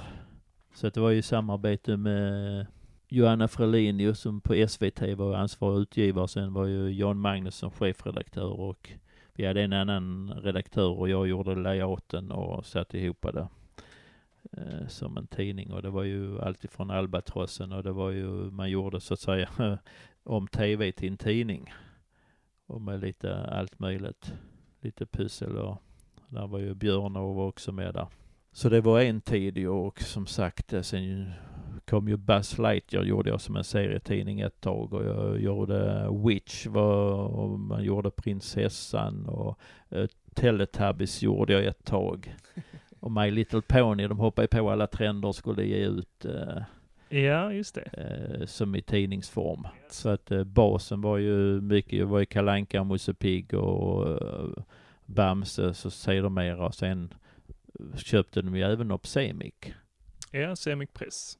Ja, så att eh, sen var det ju Fantomen och hela köret ju med alla de andra tidningarna också i Stockholm. Så då hade man ju lite möte med dem också, kom ner att man träffade dem där uppe. Mm. Så att eh, det växte ju, så de gav sig på, så de eh, styrde ju hela seriesektorn nästan med att eh, de tog över den och, och även eh, hur det gavs ut och vem som sålde det. Distribution och allting, så det är inte så lätt för nya sen att gav sig in. Jag tror att de försökte själv eh, SVT, men eftersom de inte kom in på marknaden så eh, fick eh, Egmont eh, ta över och ge ut det därför att eh, har man ingen eh, så att man kan få ut det. Eh, Distributionen, det ägde ju de också eh, så att säga var det ska ut i hela Sverige till distribueras. Man ska ut en tidning varje vecka eller varje månad och till olika pressbyråer eller affärer eller ställ eller kiosker. Ja, Det är, ja. det är en enorm apparat. Jo, jo, förstås. När jag började det så, enklare att kontakta Egmont. när jag började gjorde vi ju löpsedlar också till Kalle Anka ju. Jaha, Som man satte upp som man hade förr, precis som Kvällsposten. Så hade Okej. man ju, Kalle Anka hade ju en löpsedel varje vecka. Bredvid alla andra Ja. löpsedlar? Ja. Okej. Hade en eh, löpsedel för pass. vad det innehöll. Så att eh, det gjorde vi. Ja, det var ju stort. Ja, nej det var mycket. Som sagt och mycket kringmaterial också med bilagor och, och också annonser reklam och prylar kring allt i olika sammanhang och Jo, om man ser sig omkring här på, på ditt kontor så har du lite allt möjligt här. Olika merch-grejer. Ja, vi började ju även göra, jobba med film när det kom med VHS och sånt att man gjorde omslag till början med. Ett tag så att man gjorde omslag till VHS-kassetter till Så pass. och, Till Disney då? Ja, deras familjefilmer. De hade ju Mm. många när det började, blev stort här på 80-talet och Moviebox och hela den biten. Jo, och så precis. skulle man göra eh, kataloger, sammanställa alla de här gamla klassiska Herbie och de hade ju enorm uppsjö också av Ja, ja. Alla rättigheter då. Och vi jobbar med musik också, sen blev det ju Egmont Music, så jag jobbar ju också med att göra CD-omslag och eh, med sådana här eh, kassetter. Man hade ju en sagobok som blev poppis, som hade ställ ju till ehm, eh, en Disney-saga eller någon annan typ av saga med en liten bok. Ja, musiksagor. Det hade jag Ja. många av eh, när jag var liten. Ja, så det producerar vi också, musiksagor. Så jag jobbar ju med redaktören på Egmont Music. Så att vi satt ju liksom och, som en centralateljé som vi hette och gjorde massa olika saker både till musik och film och Där har jag en fråga. Träffade du någonsin de som pratade in på de här musikbanden? Eh, Det hände nog, ja. För, för där är ju några röster som är lite speciella. Ja, det, ja, man, De, de säger ju alltid samma sak först och ja, främst. Olof, De, Olof Thunberg förknippar man ju mycket med Bamse. På små kullar ligger några lustiga hus. Där bor Bamse och hans vänner. Du känner Bamse, va? Nu Gretas, eh, vad blir det, hennes eh, farfar. jaha. Greta Thunbergs farfar. jaha. Det är ju Bamse-rösten. Är det så? Ja. Ja, fan. Olof jag. Thunberg, skådespelaren Olof Thunberg. Det var ju han som pratade in i, ända till han gick bort. Ja, det visste jag inte. Eh, och, eh, och sen är ju hennes mamma är hon operasångerskan. Och jag vet att Ronny satt och gjorde signaturmelodin. Du, du, du, du, du, du, du, Var det han som gjorde Jag det? har det någonstans på någon kassett. Så pass. Eh, Genom då Egmont Music. Nej, det, var nog genom att han kände Rune och hade kontakt att, eh, att han eh, samarbetade. För de hade ju haft kontakt långt innan eh, han började, när han började göra Mm. sina tecknade filmer. Och Ronnys musikaliska intresse så att där, de kände ju varandra. Han kom ju dit och hälsade på ibland. Så att han har ju många kontakter så att nej det var väldigt speciellt. Så att det passerade mycket människor och, och som sagt det, det var ju något spindel i nätet eftersom vi producerar så mycket. Sen var det ju alla album och böcker och sen julalbum och eh, Ja, det måste ju ha varit oändligt med grejer. Ja. Så att, eh, och vi var ju flera som jobbade där. Jag hade ju flera kollegor. Vi var ju vad kunde det varit, eh, sex förutom Ronny som satt och höll i det och gjorde de bitarna. Så att vi liksom sammanställde ju allt och fick iväg det och hade kontakt med rep och tryckerier också. Och det hade jag väl här liggande också att man fick när man jobbar. Jag jobbar ju lite också med med Helge. Jag gjorde faktiskt eh, Helge-almanackan. Ja, du, du står och bläddrar bland en massa eh, original va? Ja. Mm. Ja, här ligger ett original till som han har gjort. Till, eh, till den här almanackan. Och du bara slänger ut dem på golvet. Ja, här är ett original till eh, Och det här har ett man ju album. förstått att eh, det är ju ett stort värde i de här. Och vi hade ju någon som hette Colbell. eh, Som eh, gjorde mycket med indianer och western. Han eh, producerade mycket till Kalanka. Här ligger också original. Till Bamse där va? Ja. Och det var sånt de slängde bara eller? Nej, vi hade ju, det blev ju eh, problem sen ju när man eh, byta för att vi hade ju sådana här hortsar och där hade man ju original och sparade ju all, allt som man producerade ju på papper eftersom man producerade ju på det sättet men sen när man börjar digitalisera allting är ju problemet hur sparar man allt materialet när det är digitalt? Vi börjar ju med olika sorters diskar eh, när man började. De här var ju, de var ju inte större än skrivmaskiner, de första mackarna, så deras kapacitet var ju skitdålig och det var ju de första, det var ju inte mycket att hurra för. Bildfiler var ju ganska stora också. Ja, och då kom något som hette SideQuest så man kunde spara 88 megabyte eller vad det var. Sen så blev det andra typer men att sen så försvann apparaterna så hade man plötsligt massa diskar. Hur ska man få ut informationen på dem? Och sen så, så det gällde hela tiden att föra över det från den ena till den andra när de byter teknik. Och det är som Mm. idag blir man ju vansinnig med att det ska uppdateras. Vi har ju själv Mm, mackar mm. på jobbet och Jo, precis. jag menar det är, det är nästan varje vecka så Ja, kommer ja, ja. någonting att man ska uppdatera mjukvaran och det ena med det andra. Och då när man satt och hade massa material på någonting och sen så plötsligt så skulle det förändras. Man hann ju inte med så jag tror att det går jättemycket förlorat eh, idag och det gäller ju även för oss vanliga med att vi plåtar med våra mobiler och Precis. Förr så lämnar man in rullen och fick ut det på papper. Idag så har folk dem digitalt och sen glömmer de bort den. Så att i framtiden kommer det inte f- några bilder utom det i, Eller så finns alla på nätet helt enkelt. eller i molnet. Ja, precis. Men eh, som sagt det kan snabbt försvinna. Ja, men jag tycker ju det här är jättecharmigt med de här originalen. Det är ju häftigt att se hur, eh, hur de har skissat. Ska säga. Sen så fick man ju tillbaka eh, Och du har både Bamse och då Här är ju- Helge och... redige- kan du titta här är Ja. när man har Ja, mycket post-it-lappar i denna. Ja, skulle man ju göra om och det hände att det inte blev bra så fick man trycka om och Denna ska bort, står Ja. Vem var det som, eh, var det Rune som, eller var det ni som, var det Rune som sa att ni skulle ta bort de här grejerna eller? Nej, det är ju eh, Joakim Gunnarsson som var tagit över det sen. Han lämnade ju bort det och gick bort Rune ju så att eh, det var ju som jag jobbade med Joakim Gunnarsson som eh, var ansvarig för att Luddiga svartlinjer står här. Det är sånt som hände med- linjer. sånt som hände med digital teknik, att det kunde bli fel i I tryckningen eller? Ja. ja. att eh, om det hände någonting så blev det ju lågupplöst eller det fallerade Ja. någonting så kunde plötsligt, eh, pixliga halvsida. ja att det blev pixlet. Så att eh, Så, eh, min eh, sambos mamma, hon jobbar ju på eh, ett förpackningsbolag i eh, Skurup. ja. Ja, och de fick ju in jättemycket från Egmont. Och där var ju supermycket som bara kastades i bokväg. Alltså om man bara tittar själv på det eh, som privatperson så hittar man inte felen. Nej. Nej. Men, men eh, jag kan förstå att eh, ni som har koll, ni vet ju hur det ska se ut.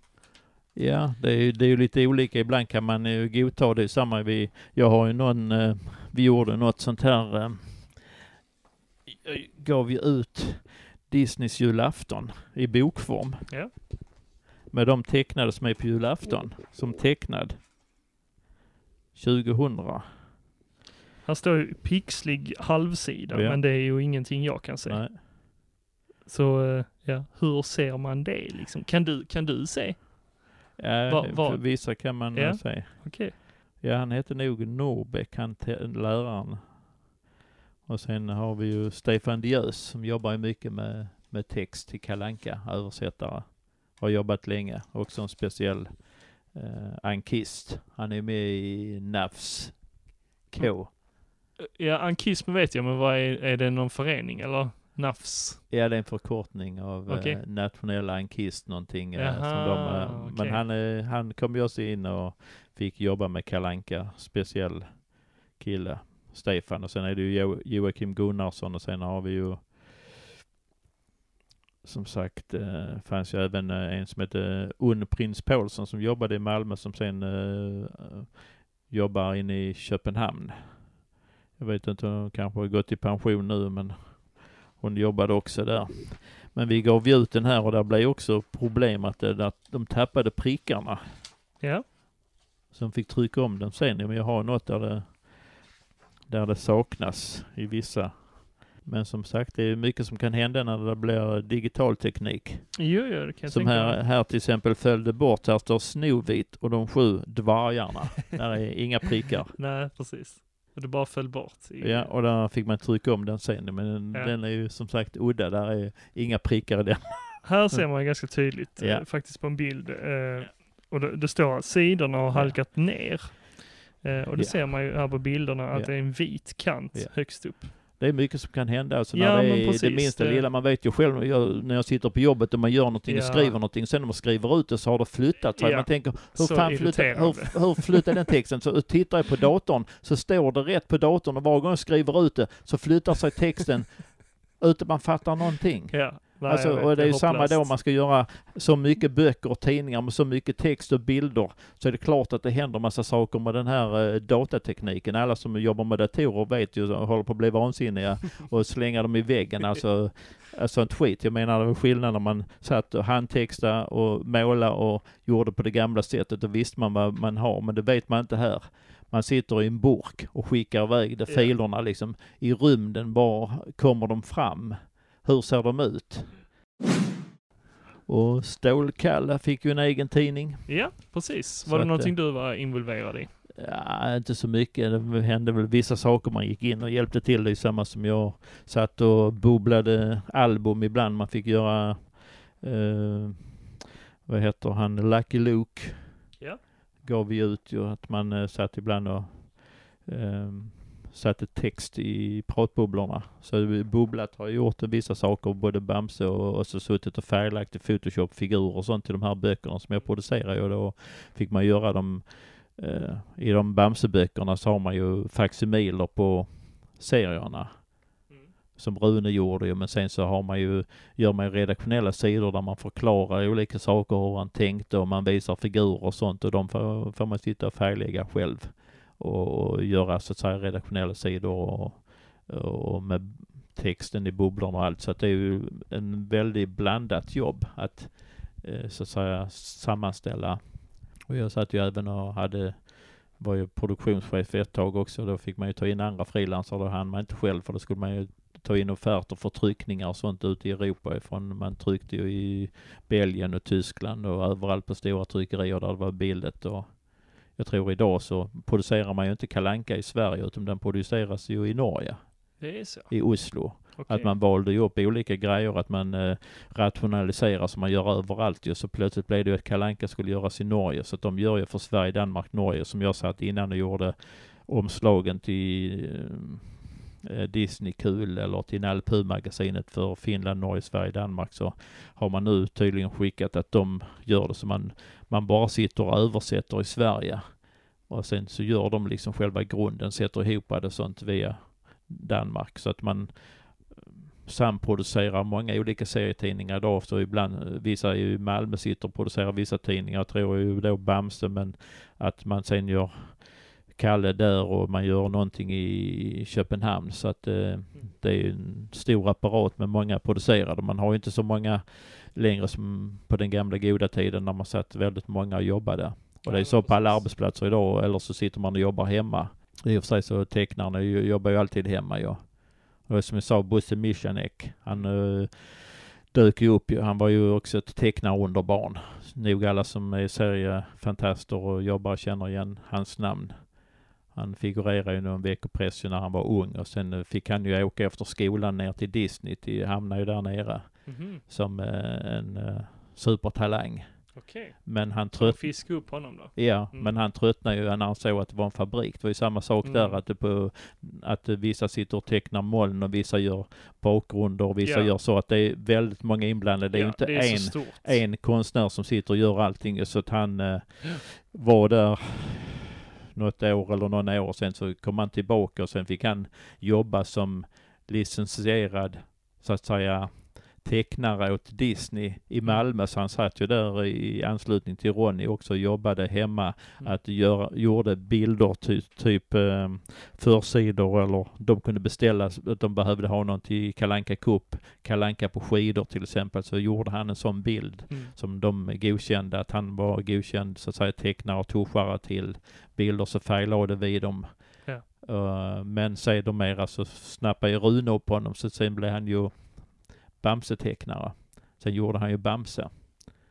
Men han var ju också väldigt noggrann så han eh, hade ju svårt att släppa det så Rune blev vansinnig. Han hotade med ingen lön och allt möjligt för att han skulle släppa grejerna för han eh, satt och filade hela tiden och filade och filade.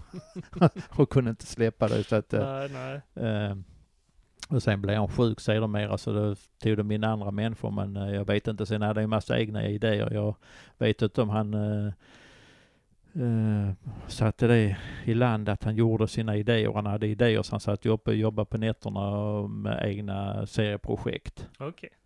Så att jag vet inte om, han, om det blev allvar dem sen. Sen hade han svårt att komma tillbaka efter sin sjukdom så att eh, men eh, det var ju en talang och förmåga som finns med också. Man berättar ju om honom i, i någon av de här Bamses biblioteket. Där Ja. berättar man ju om alla de här eh, som har figurerat och jobbat med Bamse. Ja, Tor, okej. Torra tror jag han hette, italienaren som tecknade Bamse också som inte fick någon cred eftersom man gav ju inte ut i hans land. Men han satt ju och producerade en konstig björn till Sverige år efter år och vecka ut och vecka in. Under många år till han också gick bort. Eh, vilket år slutade du på Egmont? Jag slutade, vad kan det varit, tre eller fyra någonting. Jag jobbade lite, så jag jobbade ju fram till här 2005 var det väl den sista den jag gjorde på frilansbasis. Men då hade jag redan börjat jobba inom resursen här på kommunen för jag fick inte så mycket jobb och de, eh, Mm. det var också att de pressar priserna, de vill ju inte betala och jag hade skuldsatt mig med hundratusentals för att köpa Mac-datorer och Mm. Photoshop, Illustrator, massa mjukvara och hade stora kostnader och därför fick jag också lämna. Jag hade ju en lokal, hyrde in mig på sådana här företagshotell tillsammans med någon annan kollega som hade jobbat där, Tor.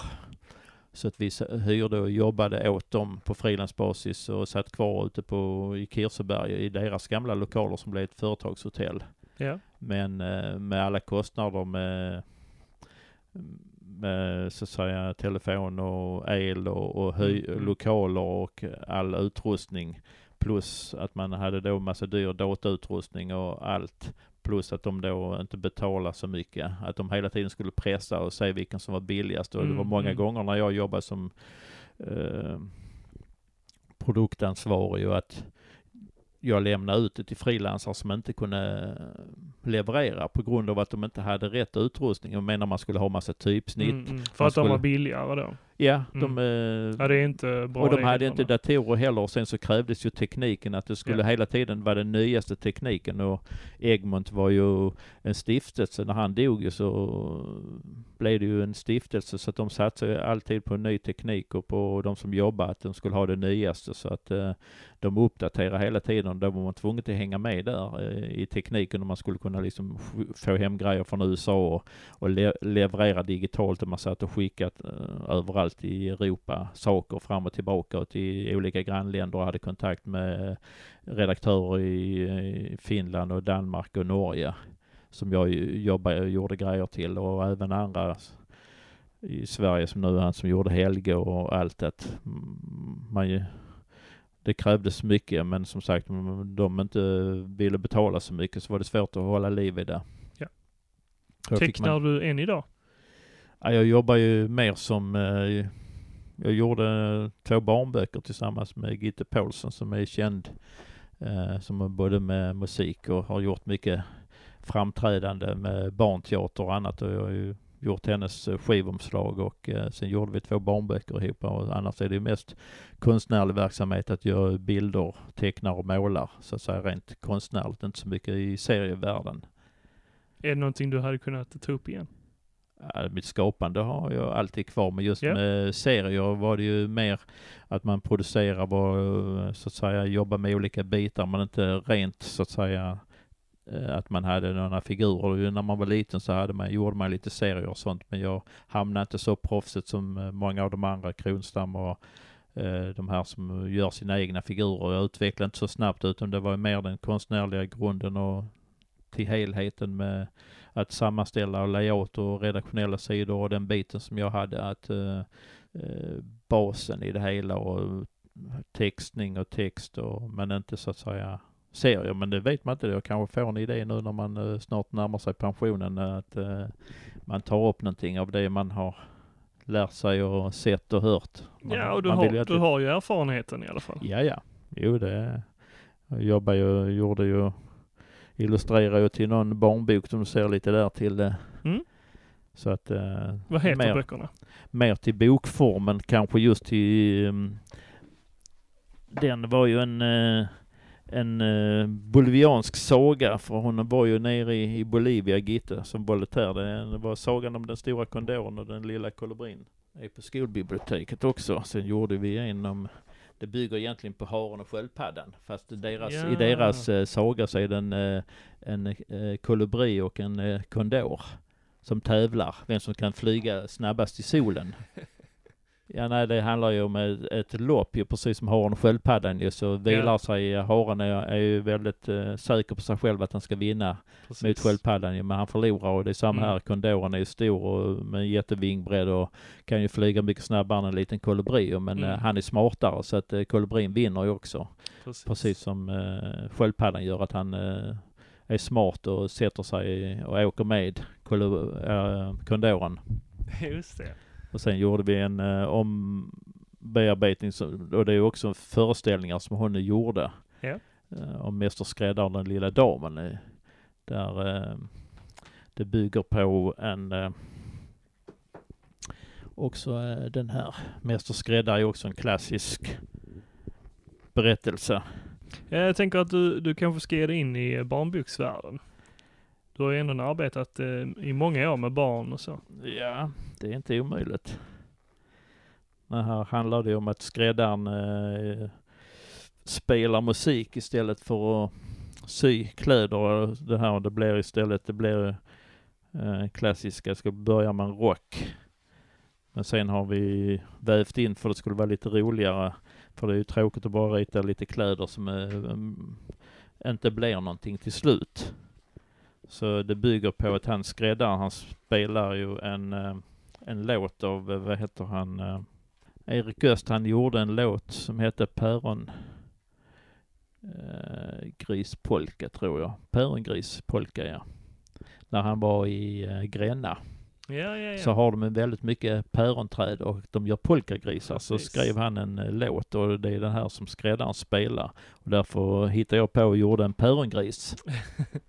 En randig gris. Ja, grön och rosa. Precis. Och den döljer sig uh, ibland kläderna här som barnen som läser boken så, så ser de en, Ah. en, en, eh, att det där är en sån där som de undrar och där dyker han fram att han är här i olika sammanhang och det betyder ju att istället för att göra det han ska så gör han ju att han spelar musik, att han spelar den här. Det blir inte ens en tummetott utan det blir ingenting. Då skriver man här på skylten, här syr vi inte längre kläder men tråcklar gärna ihop en och annan sång. Så att, ehm, och det är en föreställning också den här. Ja. Och ehm, så då fick man ju liksom göra lite roligare än att bara rita kläderna så att det blev en barnbok av det. Och det är också en föreställning som hon, hon är ju både, jobbar ju med musikterapi och eh, gör föreställningar av barnteater. Varit på tv också. Ja, ja Okay. i barnprogram.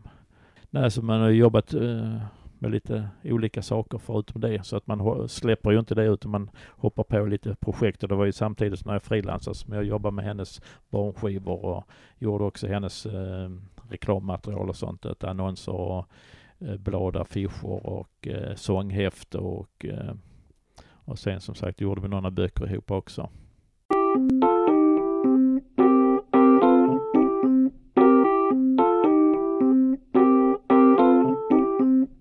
Så, innan vi avrundar det här samtalet så eh, tänkte jag fråga dig, du har nämnt lite i, i början av din karriär så uh, arbetade du lite med Hasse och Tage va?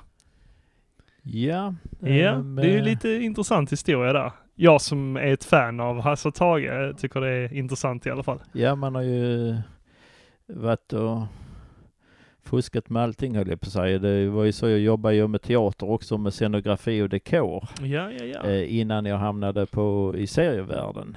Så pass. Precis som eh, det fanns ju en känd för alla som är Ystadbor så känner de till Laloo-teatern. Och Bror Tommy Borgström som även då gjorde sommarteater teater ute i Marsvinsholm. Mm, precis. Och jag jobbade ju med Tommy och eh, Elisabeth Saar som också är känd här inom, jobbar också inom skolans värld idag med på särskolan och jobbar med föreställningar. Mm. Och eh, vi gjorde ju någon eh, föreställning ihop, eh, Sillen och Marie, jag och Elisabeth. Där Ja. vi turnerade på gymnasieskolor där jag hade snott ett jobb. Okej. Eh, och det var en tvåmansföreställning. Ja. Och eh, vi gjorde ju även en, en eh, barnteater i Alo-teaterns regi som heter Burkpojken efter Kristin Nötslingers bok.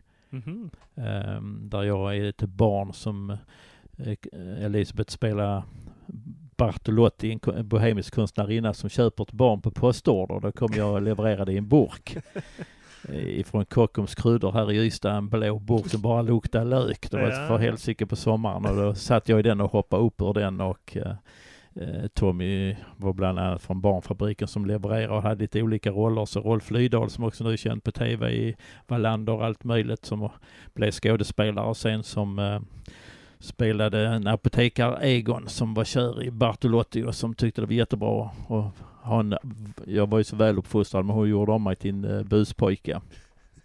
Vi åkte omkring och jag vet vi fick recensioner av Kvällsposten, vad hette han, som alltid var så barsk. Han tyckte att det var barnteater av bästa märke. Vi hade en gammal Bulstervagn som vi gjorde om till en scen. Så vi Mm. var i parken i Malmö och vi åkte omkring och spelade på campingen här i Ystad och Mm. överallt under en lång tid. Hur gammal var du nu då? Ja, 20-årsåldern. Ja. Och i den vevan sen så hade vi ju en scenograf också, en snickare som eh, fick jobb åt eh, Hasse Alfredsson för han köpte ju i sin filmgård eh, här utanför Tomelilla. Ja, precis. Och eh, ja, även eh, Gösta Ekman köpte en gård här i de trakterna. Det fanns ju många här, ju fullt av eh, kända skådespelare som bor ju här i Österlen-trakten. Mm. Och han producerar film där och det blev ju så att eh, de behövde hjälp och via Stefan som han hette då som jobbade åt honom, snickaren. Eh, I Sällshög så låg ju hans gård, filmgården.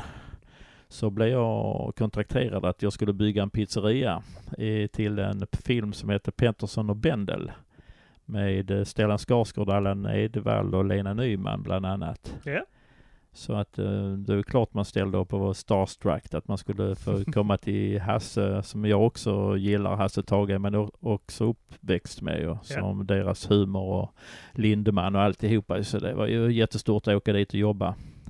Så då var det gemensam frukost på morgonen med alla skådespelare och alla folk som jobbade där så att man satt där och gapade. Man kunde knappt äta någonting när alla satt och åt och Och vilka Ja, var det då? Ja, det var ju Hasse och eh, Lena Nyman och Allan Edwall och Stellan Skarsgård och Björn Gustafsson bland annat. Den äldre, Ja, han som är med i Jönssonligan också. precis. Dynamit-Harry. Ja. Och sen så kom det ju andra kändisar på besök som bodde i trakten, Gösta och där var ju, vad heter han nu som spelade Ica-Stig som gick i pension. Ja, som också spelade i Nationalteatern. Eh, ja, när jag tänker på uh, operasångaren. Uh, Jaha, Loa Falkman. Loa Falkman Ja, ja, kom ja. på besök så alla möjliga dök upp där och hälsade och var nyfikna. Så att det, det bara kom och gick folk som man bara stod och gapade och, ja, det förstår och jag sen verkligen. käkade man lunch ihop och sen gick de ut. Han hade ett stort schackspel i trädgården, Hasse, som man kopplade av och spelade lite schack och och sen när man jobbade så hade de en tuta så fort den ljöd så fick man vara tyst. Då skulle man inte hålla liv för då var det tagning. För det var ju mitt i, inne i, liksom i den här filmgården man hade lador som man hade byggt om. Man var här inne i Ystad och filmade på innergård där bakom Scala-biografen och det skulle föreställa Stockholm. Så när man sen såg bion på film så satt man ju bara och liksom man glömde vad den handlade om. För man, oh, men det är ju filmat i Ystad och, och nattbilden där, det var ju filmat i ladan där Mm. i, i Sällshög. Det var inte alls Stockholm. Alltså Nej. det var så mycket, de eh, klippte ihop och bluffade och hade sig så att de Precis. bara satt och kollade, ja men det är där och det är där. Och, Det, det är likadant som när man tittar på en Wallander-film. Ja. Man, man koncentrerar sig inte på eh, filmen i sig, utan man bara tittar på... Och, Där har jag också, områdena där har jag liksom. också varit statist. Den Ja, första. Wallander-filmen på torget och sp- spela blomsterhandlare som eh, när han sprängde sig. eh, ah, Det Just hette den eh, ja, by? Byfånen. Byfånen. Ja. Första filmen ja. Ja. Det var ju Tommys dotter som eh, höll i, i statisterna. ja, ja, ja. Som hade kommit in så att när eh, de filmade dem så ringde hon folk hon kände. De skulle ha massa folkmassor och olika. Jag skulle vara blomsterhandlare. Fick jag bland annat spela. Alltså, han sprängde sig. Han tog fel tråd. Han hade bara utklädd en indian. Så kom han med en bomb på magen och den här hunden och så sprängde han sig. Det var ju något sånt där eh, team ifrån Danmark som gjorde. De gjorde ju en dansk eh, vad heter det, kommission, mordkommissionen. Ja, precis. Ehm, det teamet där, de eh, hade någon stor container som de sprängde så det var en jävla smäll mitt i natten där. Så folk undrade vad som stod på på torget och så skulle det vara likdelar när han var där. Som, jag har fortfarande kvar lite pengar och sånt för han skulle råna banken för då var ju rådhuset på Stortorget skulle föreställa bank. Man ja. flyttade ju om det i samma polishuset. Ett tag var det gamla badhuset och sen var det nere i, i stationen. Ja, precis. Så att eh, det var med oss, ja men det är ju stationen, nej nu var det badhuset och Mm. det var det och, och där hade man gjort Sparbanken på Stortorget. Och så kom national, eller de här styrkan och poliser och brandkår och allt och så det var stort att bara stå och titta på men det var häftigt att vara mitt inne i det. Ja. Men det är mycket Men- väntan. Men just med Hasse och Tage så eh, gjorde du dekorerna sa du? Ja, jag byggde en pizzeria bland annat för de Mm. hade en filmade i Stockholm så fanns det en pizzeria som där utspelar sig någonting. Det, Pettersen Bendel handlar ju om att eh, Stellan Skarsgård och, och Allan Edwall är lurendrejare som håller på med massa olika lurendrejerier och i en, en scen så sprängs en pizzeria och det var en känd pizzeria i Stockholm och sen byggde vi upp en kopia här i Sällshög på den gården med gatan utanför och så skyltfönstret och allting som var i slutet av en öppen vägg i en låda.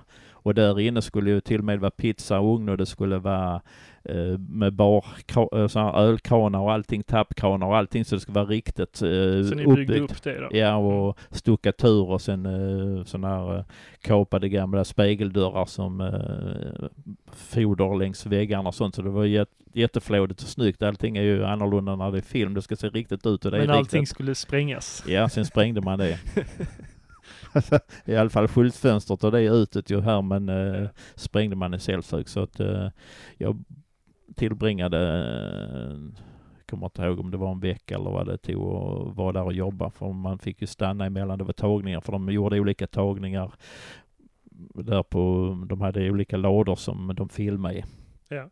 Och byggde upp kulisser och sen så stod man och tittade när de sminkade sig. I någon låda var det logerna så då stod man där och tyst och tittade när Lena Nyman och Allan Edwall sminkade sig. Jag kommer ihåg, jag kände inte igen Han tänkte, vem fan är det? Han hade bruna linser på ögonen. Han skulle se, se mer svartmusk ut och svart hår och Ja, ja, ja. så liksom annorlunda ut, förställd och, och som sagt Lena och Stellan. Så att, eh, nej det var, det var en eh, kul upplevelse. Så ja att, det eh, förstår jag verkligen. Eh, och jobba som sagt och jag har någonstans kontraktet, man sparar det, man fick kontrakt med eh, så att eh, tag, eller Hasse, så att det var speciellt. Ja, vilket minne du. Ja, så det var en parentes i livet att man fick vara med om och träffade ens idoler när det gäller film och, och humor och underhållning. under en historisk tid, kan Ja. man ju säga. Ja, jag kommer ihåg att jag åkte upp till eh, Stockholm och skulle köpa biljetter till Fröken Flegmans mustasch. Ja. Som var favorit. Men eh, det var slutsålt så att tyvärr så var jag uppe i Stockholm och fick inga biljetter. Det var helt utsålt hela tiden. Så fick köpa filmen sen så småningom. Den släpptes ju inte i hans eh, boxar.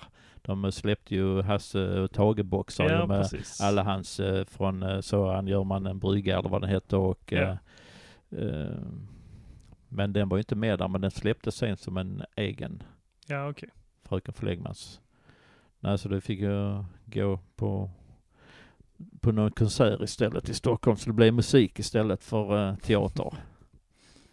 Men eh, vi ska väl fortsätta gå igenom ditt material här och eh, eventuellt göra en liten video som också dyker upp på YouTube. Mm. Ja, Så det ska bli intressant att se på. ja. Men Lite jag tackar, tackar ja, för dig. Lite fragment ifrån en svunnen tid. Precis. Men jag tackar för eh, det här samtalet. Ja, tack. Så Roland Appelros. Tack ska du ha. Tack, tack. Då säger vi som vanligt. Ha det gött och hej!